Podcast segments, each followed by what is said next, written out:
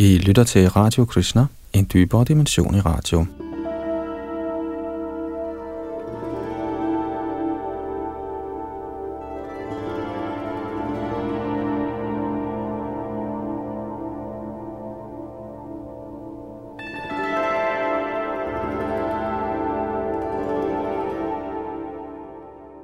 Sidste gang i vores gennemgang af Srimad Bhagavatam nåede vi frem til tekst 41 i 11. bogs 17. kapitel. Og her i tekst 42 fortsætter Krishna sin beskrivelse af Varanashram Dharma, det vediske samfundssystem, og her specifikt en brahmins askese. Bag mikrofon og teknik sidder Yadunandandas. Das.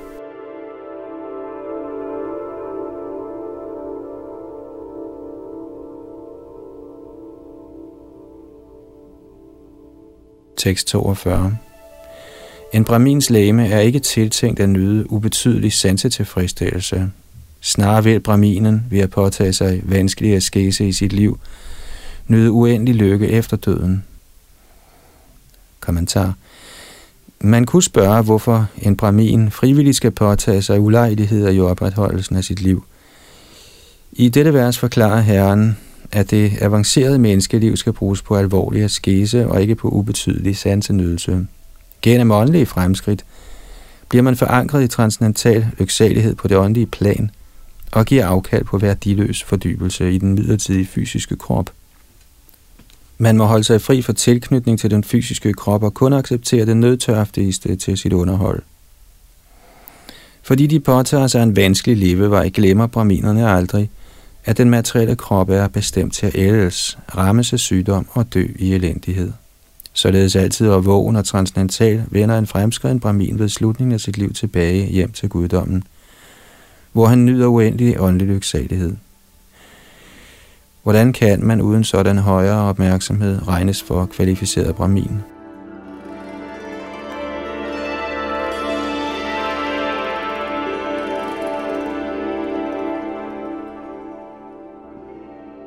De hengivne, der bruger hele døgnet på udbredelsen af Herren Krishnas mission, er hinsides platformen af forsagelse eller sansenydelse, fordi de bruger alt i Herren Krishnas tjeneste. Herrens rene hengivne spiser kun for at få styrke til at tjene Herren, og tager ikke imod hverken overdådig eller ringe mad for kroppens skyld. I midlertid kan alt accepteres for Herrens skyld, sågar overdådige måltider. En brahmin, der ikke arbejder dag og nat for at udbrede Herrens herligheder – bør føle sig i flov over at spise overdådigt for sin egen sansenødelses skyld, men en forsagende Vaishnav forkynder kan tage imod invitationer fra alle klasser af fromme mennesker, og kun for at velsigne deres hjem, spiser han de overdådige retter, de tilbyder ham. Ligeledes spiser han under tiden godt for at få styrke til at overvinde ateister og upersonlighedstilhængere. Som udtalt i vedisk litteratur, kan man ikke være en højt kvalificeret brahmin, medmindre man bliver herrens hengivne. Og blandt de hengivne er de, som forkynder Krishna bevidsthed, de bedste, som Herren selv bekræfter i Bhagavad Gita's 18. kapitel.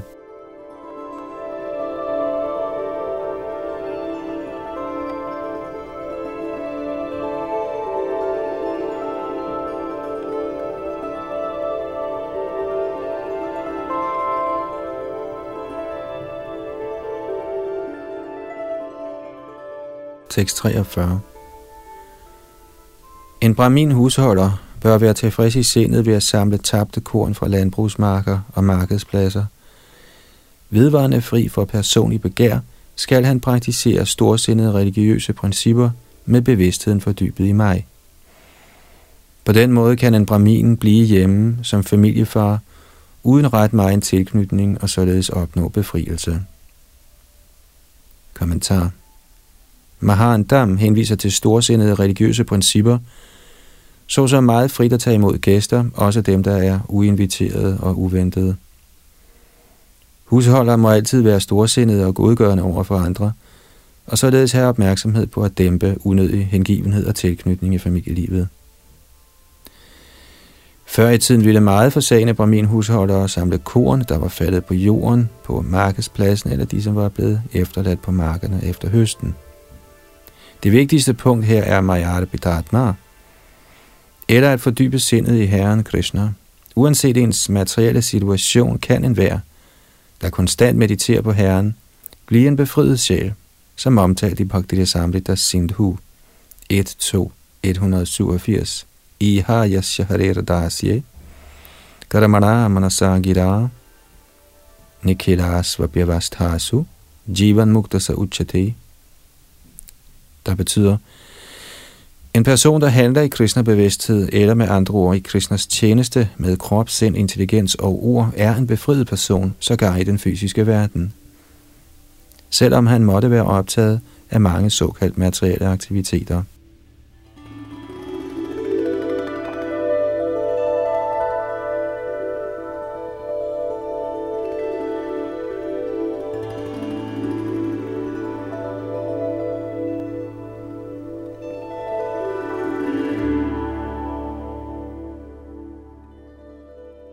644 Ligesom et skib frelser dem, der er faldet i havet, befrier jeg ligeledes meget hurtigt fra alle ulykker de personer, der hjælper braminer og hengivne, der lider under fattigdom.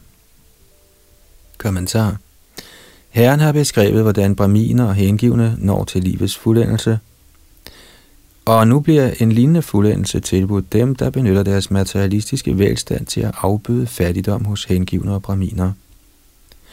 Skønt man måtte forsømme herrens indgivende tjeneste, og i stedet forfølge et materielt liv i sansenydelse, kan man korrigere sin position ved at hellige sine hårdt tjente penge herrens tjeneste.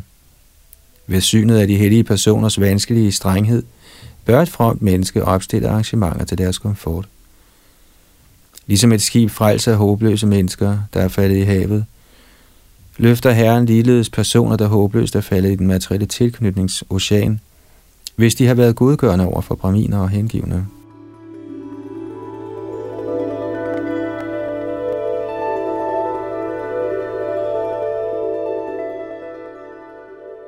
Tekst 45 Ligesom en ledende hanelefant beskytter alle andre elefanter i sin jord, og til lige forsvare sig selv, må en frygtløs konge, ligesom en far, ligeledes frelse alle borgerne fra vanskeligheder, og også beskytte sig selv. Kommentar. Efter at herren Krishna har afsluttet sin diskussion om braminske pligter, beskriver han nu en kongens karakter og aktiviteter. At beskytte borgerne fra vanskeligheder er en afgørende pligt for kongen.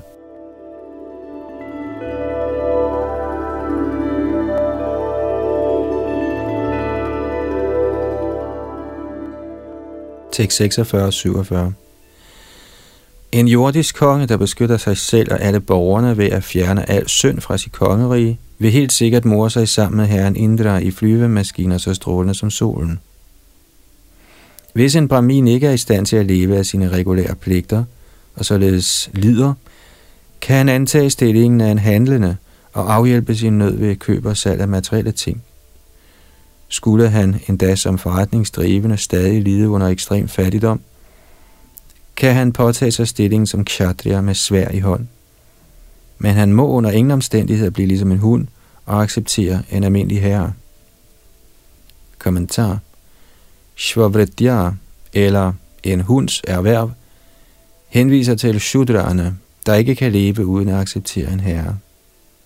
En fattigdomsramt brahmin, der lider utåligt, kan blive købmand og derpå kshatriya, men han må aldrig acceptere en stilling som shudra – ved at arbejde i et firma eller acceptere en herre. Selvom en kshatriya almindeligvis betragtes som højere end en vaishya, anbefaler herren her, at nødlidende braminer først antager stilling som vaishya, siden den ikke er voldelig.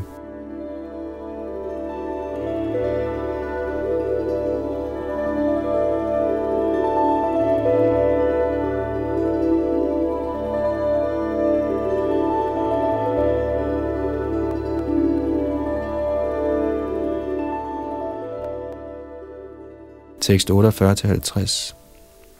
En konge eller et medlem af den kongelige orden, der ikke kan opretholde livet ved sit normale erhverv, kan handle som Vaishya, kan leve af jagt eller kan agere som brahmin ved at undervise andre i vedisk kundskab, men han må under ingen omstændigheder antage en shudras profession. En Vaishya eller handlende, der er ude af stand til at forsørge sig selv, kan påtage sig en shudras erhverv, og en shudder, der ikke kan finde en herre, kan arbejde med simple ting, såsom at lave kurve og måtte af strå. I midlertid må alle de af samfundets medlemmer, der har påtaget sig lavere erhverv i nødsituationer, opgive disse erstatningserhverv, når vanskeligheden er forbi. En person i Grihasta-ordenen skal dagligt tilbede vismændene gennem vediske studier, forfædrene gennem mantraet Svadha, halvguderne ved at ytre Svaha, alle levende væsener ved at tilbyde dele af sine måltider, og mennesker ved at tilbyde korn og vand. Ved således at se halvguderne, vismændene, de levende væsener og menneskene som manifestationer af min energi, skal han dagligt udføre disse fem ofre. Kommentar. Herren diskuterer igen pligterne for dem i husholderordnen. Tydeligvis er de fem her omtalte daglige rituelle ofre tiltænkt dem, der ikke er herrens rene hengivne, og som således må modvirke deres udnyttelse af den fysiske natur med de ovennævnte ofre. Det internationale samfund for Krishna bevidsthed, ISKCON, uddanner husholdere, sanyasier, brahmacharier og varnprastharer til døgnet igennem at yde herren tjeneste. Iskons fuldtidsforkyndere har ingen andre pligter eller ofre at passe, som bekræftet i Srimad Bhagavatams 11. bog 11.541. Devarshibhudabda rinam pitrinam nakinkaro nayang rini charajan sarvatmanaya sharanang sharanyam gato mukundang parihritya kartam. Der betyder, hvem som helst, der har søgt ly ved lotusfødderne af Mukunda, giverne af befrielse, som har forladt alle andre slags forpligtelser og er slået ind på vejen i al alvor, har hverken pligter eller gæld over for halvguderne, vismændene, almindelige levende væsener, slægtninge, menneskeheden eller forfædrene.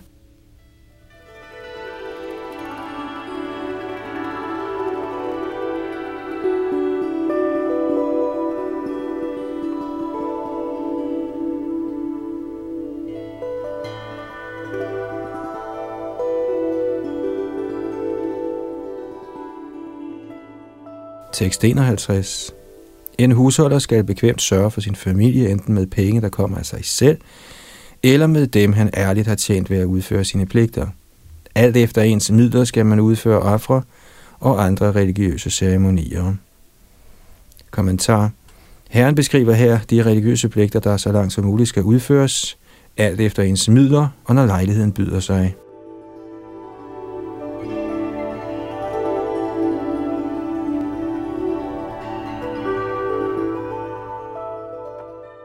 Tekst 52. En husholder, der sørger for mange afhængige familiemedlemmer, bør ikke blive materielt knyttet til dem, ej heller må han blive psykisk uligevægtig og anse sig selv for herren. En intelligent husholder må se, at al mulig fremtidig lykke, ligesom den han allerede har erfaret, er midlertidig. Kommentar. En familieforsørger agerer tit som en hersker – der beskytter sin hustru, befaler sine børn, underholder sine tjenere, børnebørn, husdyr osv. Ordene napramadjet kuthum vyapi henviser til, at skønt man handler som en mindre gud, omgivet af familie, tjenere og venner, skal man ikke ud af falsk stolthed blive mentalt ustabil og regne sig selv for den egentlige Gud. Ordet vipaschit tilkendegiver, at man må holde sig nøgteren og skarp og aldrig glemme, at man er den højeste herres evige tjener. Husholdere fra øvre, mellemliggende og lavere klasser bliver knyttet til forskellige slags sansenydelse. I enhver økonomisk eller social klasse må man imidlertid huske på, at al fysisk nydelse, det være sig her eller i næste liv, er midlertidig og i sidste ende uden værdi. En ansvarlig husholder må vejlede sine familiemedlemmer og andre afhængige til at vende tilbage hjem til guddommen, til et evigt liv i lyksalighed og kundskab. Man bør ikke blive en falsk, oplæst herre i et kort tidsrum, for der bliver man bundet sammen med sine familiemedlemmer i kredsløbet af gentagen fødsel og død.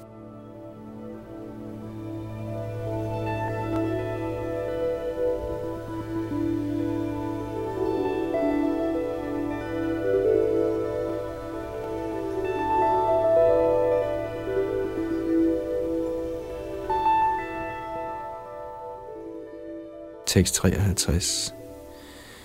Samværet med børn, hustru, slægtninge og venner er nøjagtigt ligesom korte møder blandt rejsende. Hver gang man skifter krop, skilles man fra alle sådanne venner, ligesom man mister de ting, man besidder i en drøm, når drømmen slutter. Kommentar Panta Sangama henviser til rejsendes korte møder i hoteller, restauranter, turistområder eller i mere traditionelle kulturer, friskvandsbrønde og gangveje. Vi er nu omgivet af mange slægtninge, venner og veløndere, men så snart vi skifter vores materielle krop, bliver vi øjeblikkeligt skilt fra alle disse venner, ligesom vi, når vi vågner, øjeblikkeligt skilles fra den indbildte situation i en drøm. Man bliver knyttet til sansenydelsen i ens drøm, og ligeledes bliver man under tryllesløret af de illusoriske begreber af jeg og min, knyttet til såkaldte slægtninge og venner, der plejer vores følelse af falsk ego.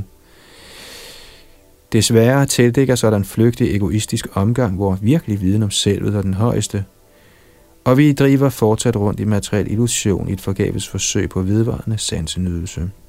Den, som forbliver knyttet til den læmelige opfattelse af familie og venner, kan umuligt give afkald på den falske egoismes jeg og min, eller jeg er alting, og alting er mit.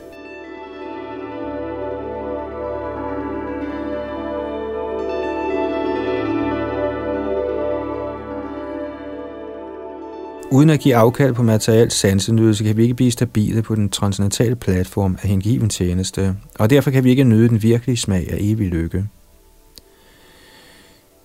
Men mindre man bliver Herrens rene hengivne og accepterer Herren Krishna som sin eneste ven, kan man umuligt opgive længslen efter midlertidige og overfladiske materielle forhold. En rejsende langt fra sit hjem og sine kære kan indlede overfladiske samtaler med andre rejsende, men sådanne forhold har ingen egentlig mening. Man må derfor genopvække sit tabte forhold til Herren Krishna. Vi er af natur integrerende dele af Herren Krishna – der er al åndelig glædes reservoir, og vores oprindelige forhold til ham er fyldt af kærlighed og lykke. Men på grund af vores ønsker om at mor os uafhængige af ham, falder vi ned i det forvirrende meningsløse net af materielle forhold skabt af Maya. Et intelligent menneske erkender, at der ingen faktisk nydelse eller tilfredsstillelse er for sjælen, hverken på denne planet eller på nogen anden materiel planet. Så ligesom en træt og udmattet rejsende skal han vende hjem tilbage til guddommen, til evig fred som Krishnas tro tjener.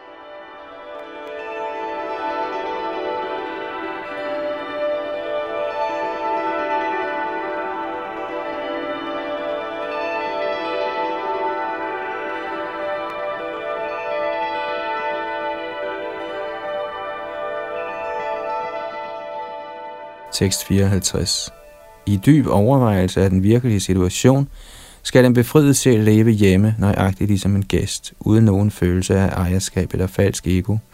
På den måde undgår han at blive bundet eller indviklet i familieanlægner. Kommentar. Ordet mukta, eller befriet, henviser til en, der er fri for al materiel tilknytning. I denne status, kaldet mukta sangha, identificerer man sig ikke længere som permanent indbygger i den materielle verden. Denne befriede status kan sågar nås af den, som befinder sig i familielivet. Det eneste krav er, at man seriøst lægger sig efter et program af Krishna Sankirtan, der indbefatter konstant sang af Herrens hellige navn, tilbedelse af gudskikkelsen og deltagelse i bevægelsen for Krishna-bevidsthed. Uden et seriøst program af Krishna Sankirtan, er det meget vanskeligt at opgive jernlænkerne af tilknytning til kvinder og biprodukterne af sådan tilknytning.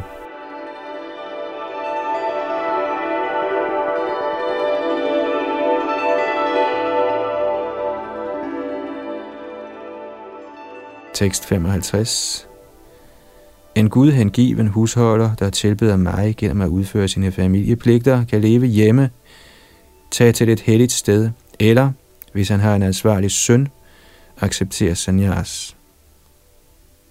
Kommentar dette vers beskriver de tre alternativer for en husholder. Han kan blive hjemme, eller også kan han acceptere varen prastha, hvilket vil sige at tage til et helligt sted sammen med sin hustru, eller hvis han har en ansvarlig søn til at overtage familiepligterne, kan han indtræde i sanyas, den forsagende orden, for definitivt at løse livets problemer.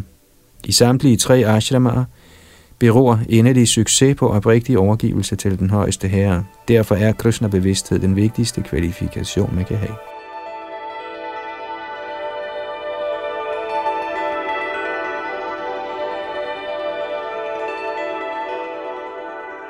Tekst 56 Men en husholder, hvis sind er knyttet til hjemmet, og som således forstyrres af brændende ønsker om at nyde sine penge og børn, der lyster efter kvinder, der besidder en genieragtig mentalitet, og som tåbeligt tænker, alting er mit, og jeg er alting, er så afgjort bundet i illusion. Kommentar Selvom man gennem alskens analytiske eller psykologiske metoder måtte forsøge at befri sindet fra illusorisk familietilknytning, bliver man til sidst trukket tilbage i netværket af materielle bånd, medmindre hjertet er renset gennem Krishna-bevidsthed. En genieragtig husholder tænker kun på sin egen familie eller samfund, uden nogen barmhjertighed overfor udenforstående. Egoistisk, begærlig, knyttet og altid forstyrret af brændende ønsker – og at nyde penge og børn, er en materialistisk husholder håbløst bundet i et væv af bekymring.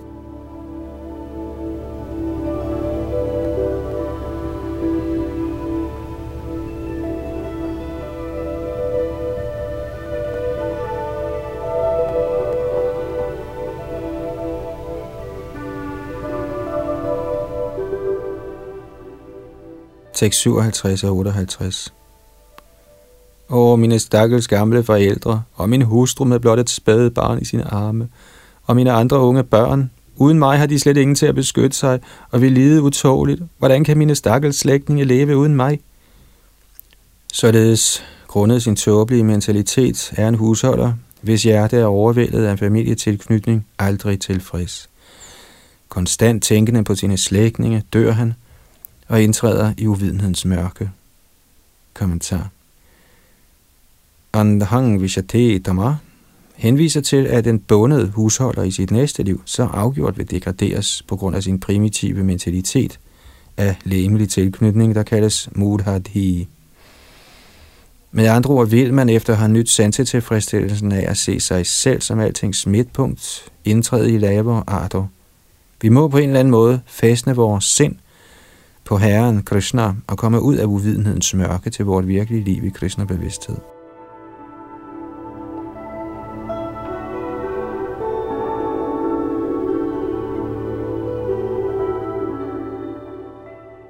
Således ender kommentarerne fra hans guddommelige nåde, A.C. Bhaktivedanta Swami Prabhupads ydmyge tjenere, til Srimad Bhagavatams 11. bogs 17. kapitel med titlen Herren Krishnas beskrivelse af Vardanashram-systemet.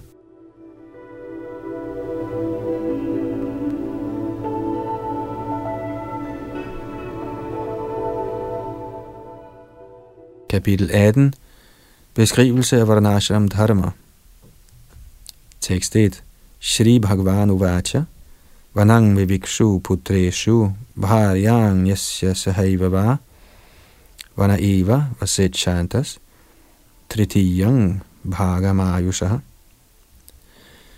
Guddommens højeste person sagde, den som ønsker at indtræde i livets tredje orden, Varnaprastha, skal drage i skoven med et fredfyldt sind, efterladende sin hustru og modne sønner, eller også tage hende med. Kommentar. I Kali kan et menneske som regel ikke leve mere end 100 år, og selv det er ret sjældent. En mand, der forventer at leve i 100 år, kan indtræde i Varenpræstaordenen i 50 års alderen, og ved 75 kan han acceptere sanyas med henblik på komplet forsagelse. Siden ganske få mennesker i Kali lever i 100 år, må man justere skemaet derefter – Varenprast har tiltænkt at være en gradvis overgang fra materialistisk familieliv til niveauet af komplet forsagelse.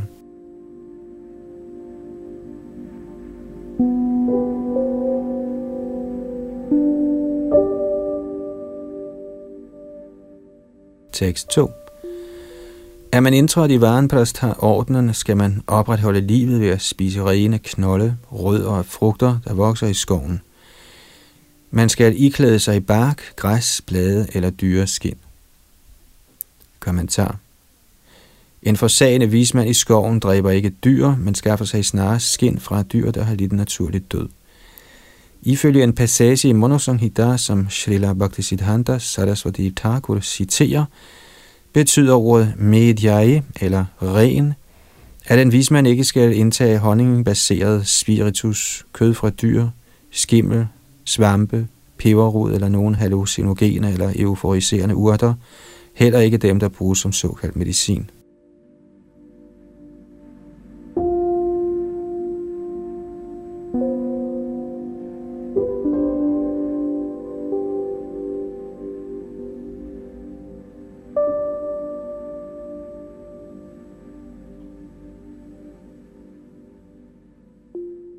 Tekst 3 og 4. En varenprastar skal ikke soignere sit hovedhår, kropshår eller skæg, skal ikke pleje sine negle, skal ikke udtømme sig på uregulerede tidspunkter og skal ikke særskilt bestræbe sig på tandhygiejne. Han skal være tilfreds med at tage bad i vand tre gange dagligt og skal sove direkte på jorden. Som varenprastar skal man overholde strenghed ved under sommerens hedeste dage at udsætte sig for brændende bål på fire sider og den strålende sol ovenover. I regntiden skal man være udenfor og udsætte sig for øsregnen. Og i den iskolde vinter skal man holde sig nedsænket i vand op til halsen. Kommentar. Den, som er optaget af sansetilfredsstillelse, må udøve streng bod ved livets slutning for at modvirke sine syndige hedonistiske aktiviteter. Herrens hengivne udvikler imidlertid naturligt Krishna-bevidsthed og har ikke brug for at underkaste sig sådanne yderliggående bodsøvelser, som udtalt i Pancharatra. Aradhito yadiharis tapasata takim, naradhito yadiharis tapasata takim, antarabahiri yadiharis tapasata takim, naantarabahiri yadiharis tapasata takkim. Citat. Tilbeder man Herren behørigt, hvad behov er der derfor streng bod? Og tilbeder man ikke Herren ordentligt, hvad behov er der da for streng båd? Hvis Shri Krishna erkendes indeni og uden for alt, der er til, hvad behov er der da for streng båd? Og hvis Shri Krishna ikke ses indeni og uden for alting, hvad er da nytten med streng båd? Citat slut.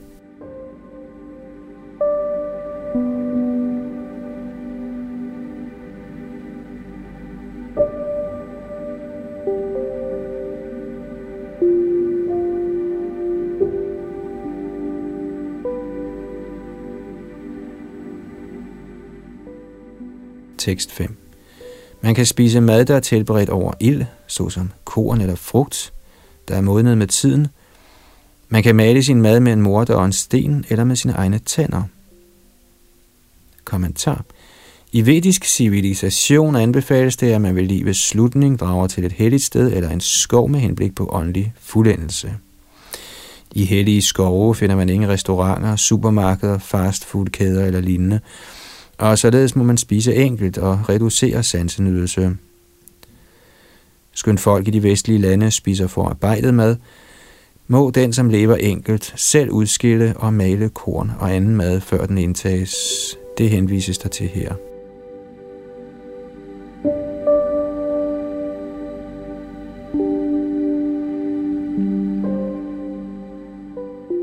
Tekst 6 en varenpost må selv sørge for det, han skal bruge til sit læmelige underhold, og skal nøje overveje tidspunkt, sted og sin egen evne. Han må aldrig gemme proviant til senere. Kommentar. Ifølge vediske reguleringer skal den, som praktiserer strenghed, kun samle det, han umiddelbart skal bruge, og når han modtager gaver eller mad, skal han straks give afkald på det, han havde samlet tidligere, sådan at der ikke er noget overskud. Denne regel skal holde en forankret i tillidsfuld afhængighed af den højeste herre. Man må aldrig gemme mad eller andre læmelige nødvendigheder til fremtidig brug. Udtrykket Desha Kala Bala Bigya hentyder til, at man på et meget vanskeligt sted, i tilfælde af nød eller personlig udygtighed, kan slække på denne strenge regel, som bekræftet af Vishana Chakravarti Thakur.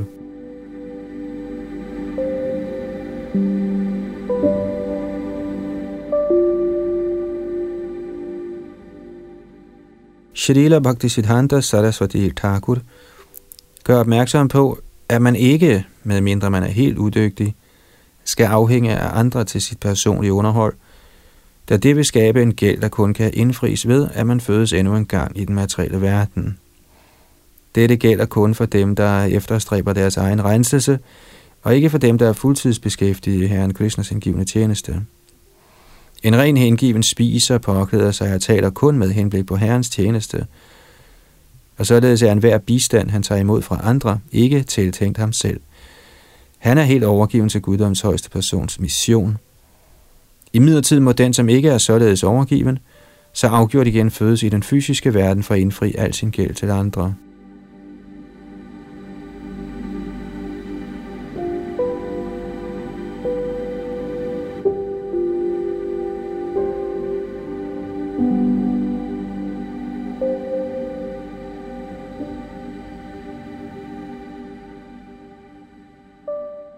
Tekst 7.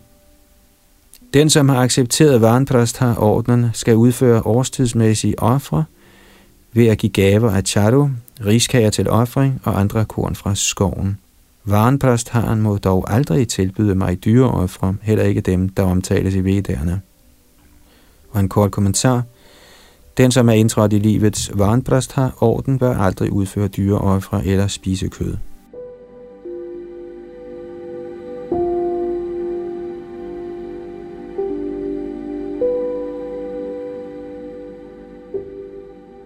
Tekst 8.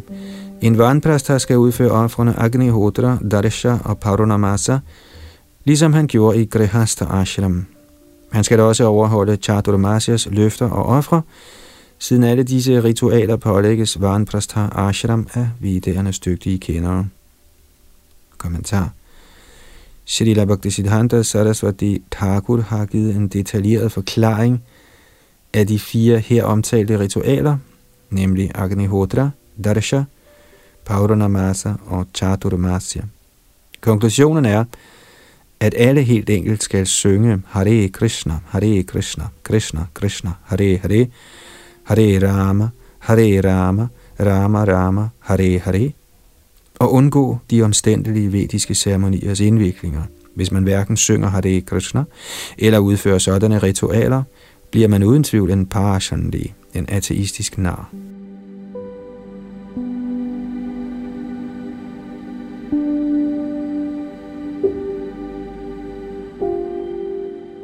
Tekst 9. Den helgenagtige har, der øver streng selvtugt og kun accepterer livets blotte nødvendigheder, bliver så udmagret, at han blot ligner skinner og ben. Da han således tilbeder mig gennem streng selvtugt, træder han ind i planeten Mahadalok og opnår derpå direkte mig. Kommentar. En varenpræst har der udviklet ren hengiven tjeneste og opnår den højeste herre, Krishna, mens han er på varenpræsterstadiet. Den, som imidlertid ikke bliver helt Krishna-bevidst, når først planeten Mahadalok eller Rishilok og opnår derfra direkte herren Krishna. Man kommer til Mahadalok eller Rishilok gennem streng overholdelse af positive og negative forskrifter, men uden at udvikle en smag for at synge og høre Herrens pris, Shravanam Vishnu, er det ikke muligt at opnå den komplette befrielse i form af at vende tilbage hjem til guddommen. På Mahadalok koncentrerer den usuccesfulde vismand sig derfor mere om at lovprise og høre, og således udvikler han gradvist kærlighed til guddommen.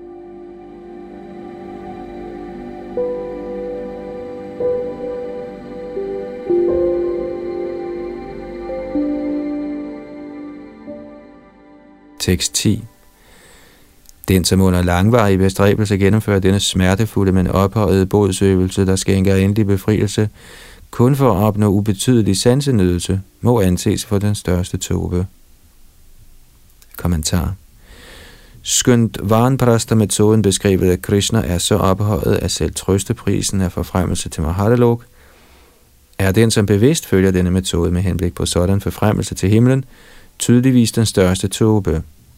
Herren ønsker ikke, at denne metode bliver misbrugt eller udnyttet af materialistiske slyngler, da det endelige mål er kærlighed til guddommen.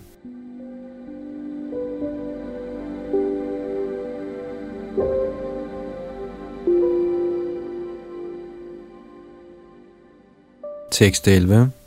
Er Varnaprast har en ramt af alderdom og grundet sit skælvende lame ej længere er i stand til at gennemføre sine foreskrevne pligter, skal han anbringe offringsilden inde i sit hjerte gennem meditation.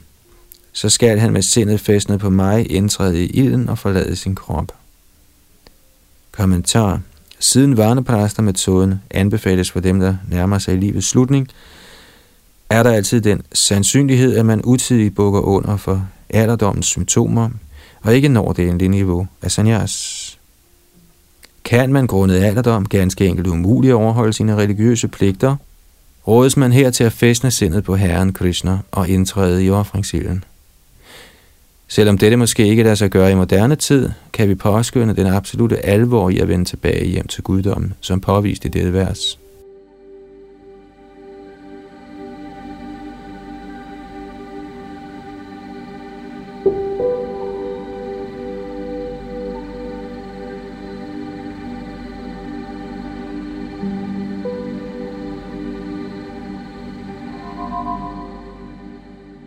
Tekst 12 og 13 hvis han forstår, at sågar forfremmelse til Brahmalok er en lidelsesfyldt tilstand og således udvikler total frihed for tilknytning til et hvert tænkeligt resultat af frugtbærende handlinger, kan han indtræde i sanyasordnen.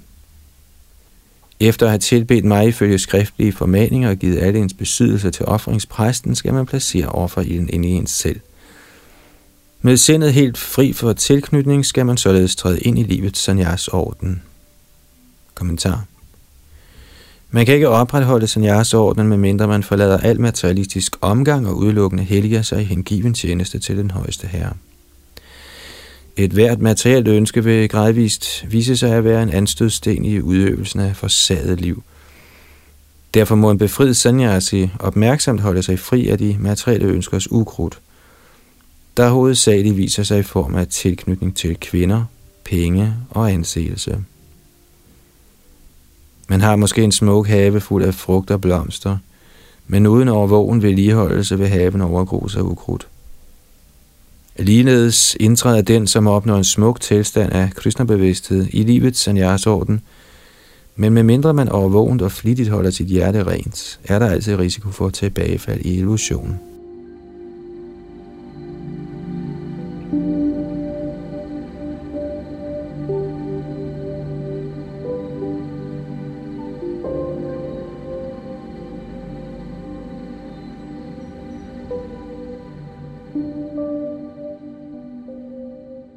Tekst 14 Denne mand, der indtræder i sanyas, vil overgå os og vende hjem tilbage til guddommen.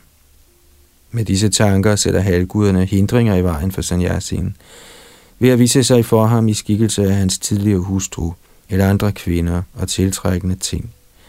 Men sanyasin skal ikke ense halvguderne og deres fænomener. Kommentar Halvguderne er bemyndiget med kosmisk administration – og kan ved deres kraft vise sig som en sannyasis tidligere hustru eller som andre kvinder, sådan at sanyasien bryder sine strenge løfter og bliver indviklet i sansenydelse. Herren Krishna opmuntrer her alle sanyasier ved at fortælle dem, tag jer ikke af sådanne illusoriske fænomener. Hold fast i jeres pligt og vend hjem tilbage til guddommen.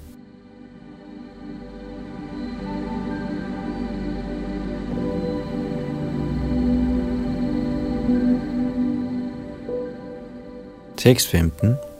Ønsker sanyasien at iklæde sig noget mere end blot en kavpin, kan han bruge endnu et klæde om livet og hofterne til at dække kavpinen. Eller skal han, med mindre der foreligger en nødsituation, ikke acceptere mere end sin dander og vandkrukke? Kommentar. En sanyasi, der lokkes af materielle besiddelser, vil ødelægge sin tilbedelse af Herren Krishna.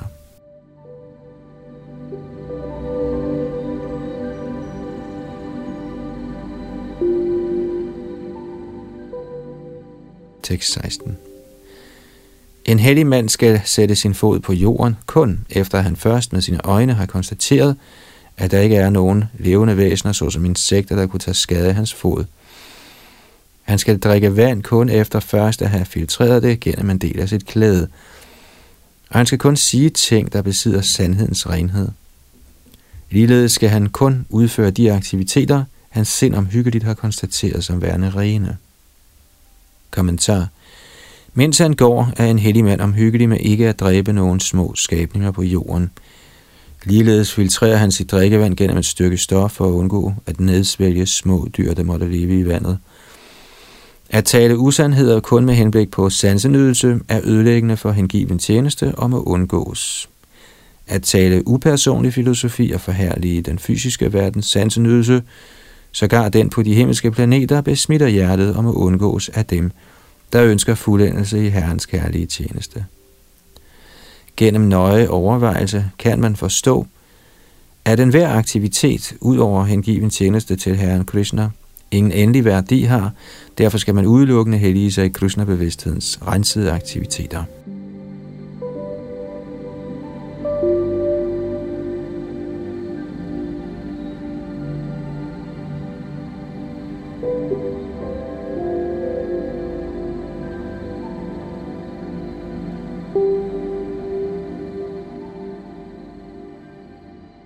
Tekst 17 den, som ikke har accepteret de tre indvendige discipliner, der er at undgå værdiløs tale, at undgå værdiløse aktiviteter, samt at beherske den vitale luft, kan aldrig betragtes som sannyasi, blot fordi han bærer en bambusstav. Kommentar Ordet danda henviser til den stav, der bæres af dem i forsagelsens orden, og danda indikerer også streng disciplin.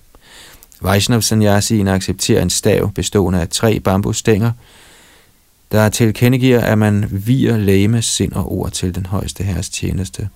Her siger Herren Krishna, at man først må acceptere disse tre dandarer eller discipliner, nemlig kontrol af stemmen, kroppen og sindet, inde i sig selv. Praksis af anilayam eller pranayam, regulering af livsluften, skal beherske sindet, og den, som altid tænker på tjeneste til Herren Krishna, har så afgjort opnået fuldendelsen af pranayam. Det blot at bære de tre udvendige dandarer, uden at tilegne sig de indvendige dandarer af læmelig, mental og verbal disciplin, kan aldrig gøre en til den egentlige Vaishnav Sanyasi, som forklaret her af Herren Krishna. I Mahabharats Hansa Gita del, samt i Sri Rupa Goswamis Upadeshamrit, er der instruktioner angående sanyas-ordnen. Vi er alene at antage de udvendige ornamenter af Tridandi Sanyas, sættes en betinget sjæl ikke i stand til faktisk at beherske sine sanser. Den, som indtræder i sanyas for at opnå falsk anseelse og gør et nummer ud af hellighed uden egentlig fremskridt i Krishna Kirtan, vil snart overvindes af Herrens ydre energi –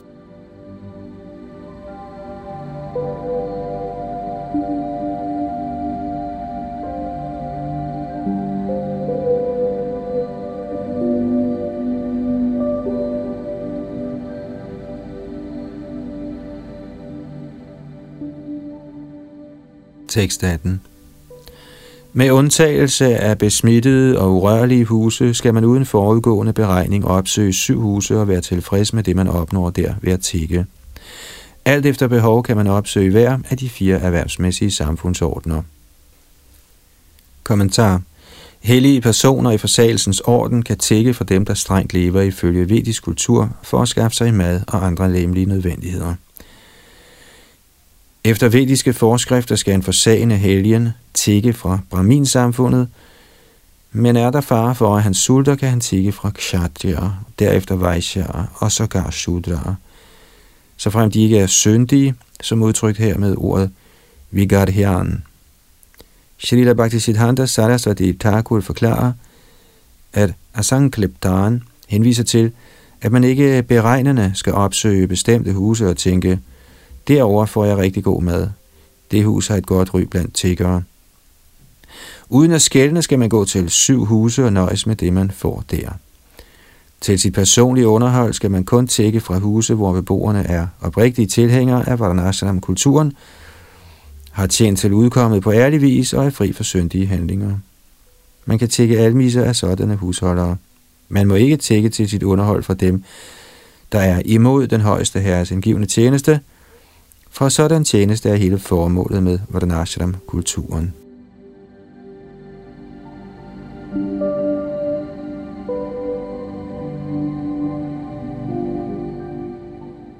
De, som modsætter sig vedisk kultur, gennemtvinger love, der kriminaliserer helgenagtige personers tiggeri.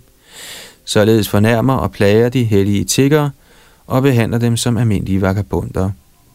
En doven person, der tigger for at undgå arbejde, er så afgjort afskyelig, men en helgenagtig person videt til Herrens tjeneste, der udøver tiggeriets disciplin for at udvikle total afhængighed af Herrens barmhjertighed, skal gives en hver facilitet i menneskesamfundet. Srila Bhaktisiddhanta Saraswati Thakur forklarer, at der er tre måder at samle almiser på. Madhukart er den metode, hvor man efterligner bien, der samler en meget lille mængde nektar fra hver blomst. På den måde accepterer den helgenagtige person kun en lille mængde fra hver person og undgår social konflikt. Den her omtalte metode er Sankripta, hvor man uden at gøre forskel opsøger syv huse og er tilfreds med det, man måtte få. Prag Pranita er den metode, hvor man opretter faste bidragsydere og modtager sit underhold fra dem. I denne forbindelse har Srila Viraraghava Acharya beskrevet det indledende niveau af sanyas, der kaldes Gudichak, som følger. En mand, der accepterer det indledende stadie af sanyas, får sine børn eller andre slægtninge og veløndere til at bygge sig en gudi eller meditationshytte. Han forlader værslige bestillinger og sidder i hytten og forsøger at holde sig fri af begær, vrede, grådighed, illusion osv. Ifølge forskrifterne for reguleret liv, antager han en tridanda, renser sig med en vandkrukke, rager sit hoved, efterladende en shikha eller tot, reciterer Gayatri mantra på den hellige tråd og bærer safranfarvede klæder. Han tager regelmæssigt bad, renser sig, udfører ajman, fremsiger japa, studerer vidderne, lever vedvarende i sølibat og mediterer på Herren, mens han modtager regelmæssige forsyninger af mad fra sine børn, venner og slægtninge. Han accepterer kun det nødtørftigste og bliver i sin hytte indtil tidspunktet for befrielse.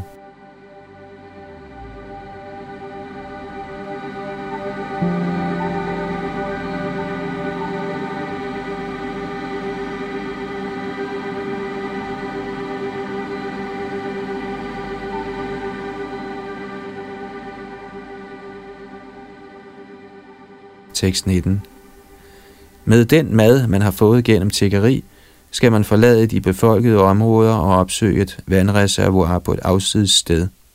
Der skal man, efter at have taget bad og grundigt vaske sine hænder, uddele portioner af maden til andre, der måtte bede om den. Dette skal man gøre uden at tale. Så, efter nøje at have renset det resterende, skal man spise alt på sin tallerken uden at efterlade noget til senere fortæring. Kommentar Shrila Bhaktisiddhanta Saraswati Thakur forklarer, at en hellig person ikke skal diskutere eller skændes med materialistiske mennesker, der måtte bede om eller forlange dele af hans mad. Ordet vibhaja indikerer, at man skal give et eller andet til sådanne personer for at undgå forstyrrelse, og derefter skal man tilbyde resterne til herren Vishnu og spise alt på sin tallerken uden at gemme mad til senere.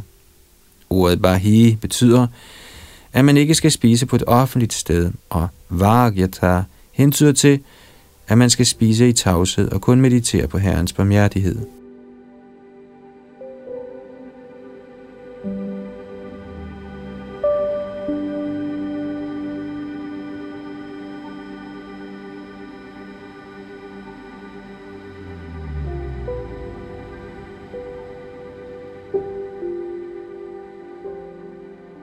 Tekst 20. Uden materiel tilknytning med fuldt beherskede sanser, vedvarende, entusiastisk og tilfreds i erkendelse af den højeste herre og sit eget selv, skal den helgenagtige person vandre omkring på jorden alene. Han skal have ligeligt syn på alt, og således holde sig fast forankret på den åndelige platform. Kommentar. Den, som fastholder en tilknytning til fysisk sansenydelse, kan ikke være stabil i processen af at synge Hare Krishna. Lænket af illusoriske begær er han ude af stand til helt at styre sine sanser. I virkeligheden må man søge ly i Herren Krishnas hengivne tjeneste døgnet igennem, for ved sådan tjeneste holder man sig inden for rammerne af åndelig virkelighed. Ved at synge og høre Herrens hellige navne til lige med Herrens herligheder og tidsfordriv, glider man naturligt væk fra den materielle sansenydelsesfelt – God omgang med Herren Krishna og hans hengivne overvinder automatisk ubrugelig materiel omgang, og man kan følge de vediske forskrifter angående sjælens havelse fra det materielle felt og op på Krishna-bevidsthedens befriede niveau. I den henseende udtaler Srila Rupa Goswami i sin Upadeshamrit nummer 4, Dadati pratigrihnati guhyamakhyati prachati bhungte bhojayati chaiva shardvidhang pritirakshanam. Citat. At give gaver i godgørenhed, at modtage godgørende gaver, at lette sit sind i fortrolighed, at stille fortrolige spørgsmål, at tage imod prasad og uddele prasad, er de seks symptomer på kærlighed, hengivende udveksler mellem hinanden. Citat slut.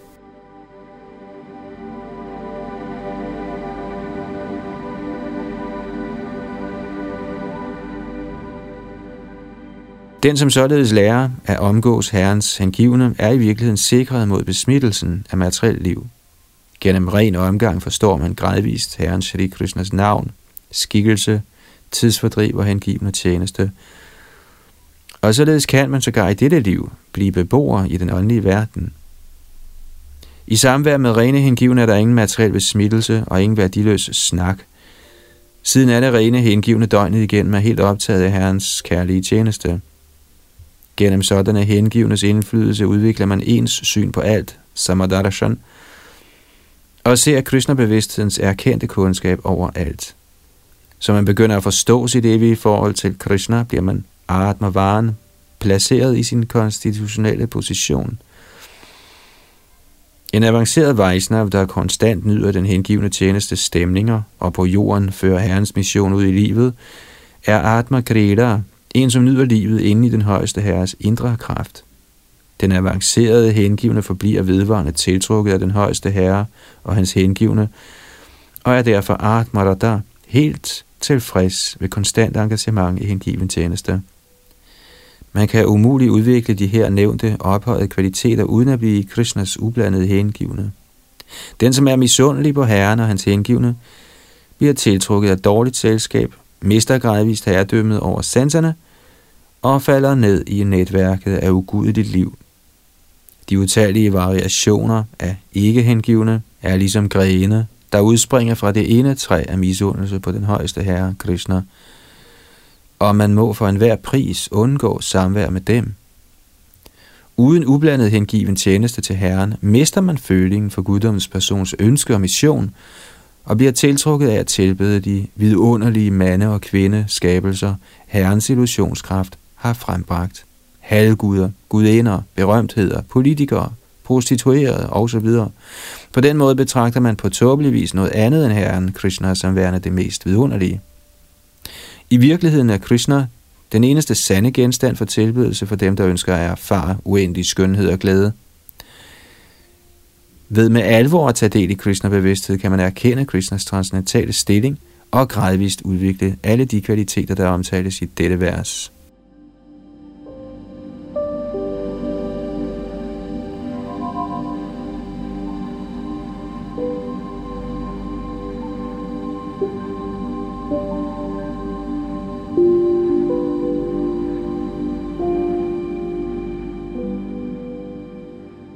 Tekst 21. Dvælende på et sikkert afsides sted med sindet renset gennem konstant at tænke på mig, skal vismanden koncentrere sig alene om sjælen og erkende, at den ikke er forskellig fra mig. Kommentar. Den, som udelukkende er optaget af Herrens indgivende tjeneste i et af de fem primære forhold, skal kende som en ren Vaishnava. På grund af sit fremskridende stadie af kærlighed til Gud – er en ren hengiven i stand til konstant at lovprise Herren uden materielle hindringer. Han er ikke interesseret i andet end Herren Krishna, og ser aldrig sig selv som kvalitativt adskilt fra Herren. Den, som endnu er tiltrukket af den grove fysiske krop og det subtile materielle sind, der dækker den evige sjæl, ser fortsat sig selv som forskellig fra guddommens højeste person. Hans misopfattelse skyldes fejlagtig identifikation med materien – med sanserne renset for materiel besmittelse må man tjene Herren, der er alle sansers mester, og således betragtes ens hengivne tjeneste som fri for uoverensstemmelser.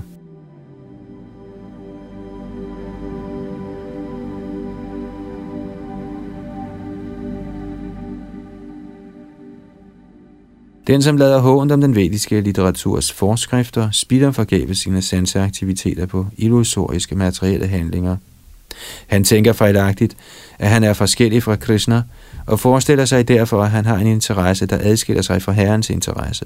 Et sådan menneske kan umuligt opnå stabilitet i livet, fordi det materielle virkefelt konstant forandres og omdannes ved tidens forstyrrende indflydelse. Hvis en hengiven begynder at kultivere en interesse adskilt fra Herrens kærlige tjeneste, vil hans meditation på enhed med Herren blive forstyrret og kendt. Når sindet afviger fra Herrens lotusfødder, bliver den fysiske naturs dualitet igen fremherskende i sindet, og man genoptager et arbejdsskema baseret på naturens tre kvaliteter. Den, som ikke er forankret i sit forhold til den højeste herre, kan ikke være frygtløs eller ligevægtig og er berøvet Herrens Sri Krishnas ly. Derfor skal man alvorligt overveje, som dette vers beskriver, sin identitet som en ubetydelig bevidsthedspartikel, der ikke er forskellig fra den højeste bevidsthed, Herren Krishna. Således skal man holde sig stabil i Krishna-bevidsthed.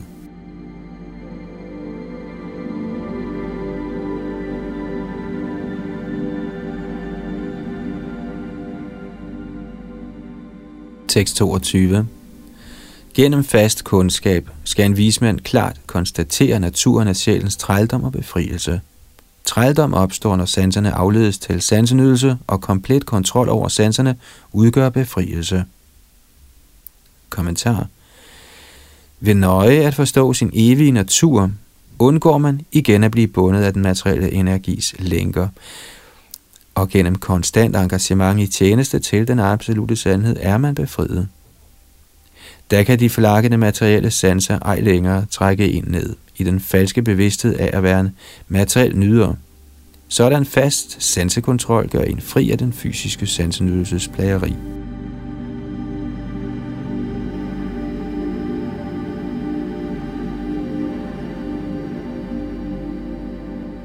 Tekst 23 og 24 Derfor skal en vismand, der har erfaret åndelig lyksalighed ind i selvet, helt beherske de fem sanser og sindet gennem Krishna-bevidsthed og leve afsondret fra ubetydelig materiel sansenydelse. Vismanden skal vandre på helliggjorte steder, langs strømmende floder og i bjergenes og skovenes ensomhed. Han skal besøge store byerne, byerne og græsgangene, og opsøge almindelige arbejdende mænd kun for at tække til sit blotte underhold. Kommentar Ifølge Srila Sridhar Swami henviser ordet Buddha til store byer og byer med indkøbscentre, markeder og andre typer af forretningsvirksomhed, hvorimod Grama henviser til mindre byer, der mangler sådanne faciliteter. Varnepræstaren eller sanyasien, der forsøger at komme fri af materiel tilknytning, skal undgå dem, der arbejder dag og nat for sansenydelse, og kun opsøge dem for, at de kan yde nødvendig godgørenhed. De, som forkynder Krishna-bevidsthed verden over, skal betragtes som befriede sjæle, og derfor opsøger de hele tiden de materialistiske levende væsener for at beskæftige dem i Krishnas hengivende tjeneste. I midlertid må sådanne forkyndere nøje undgå kontakt med den materialistiske verden, når det ikke er nødvendigt for at fremme Krishna-bevidsthedens mission. Påbuddet er, at man ikke unødigt skal have at gøre med den materialistiske verden.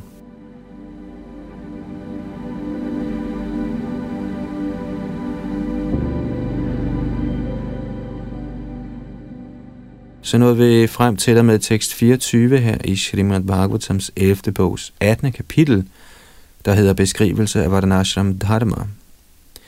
Vi fortsætter næste gang ved tekst 25, og her bag mikrofon og teknik sad Yadunandan Das.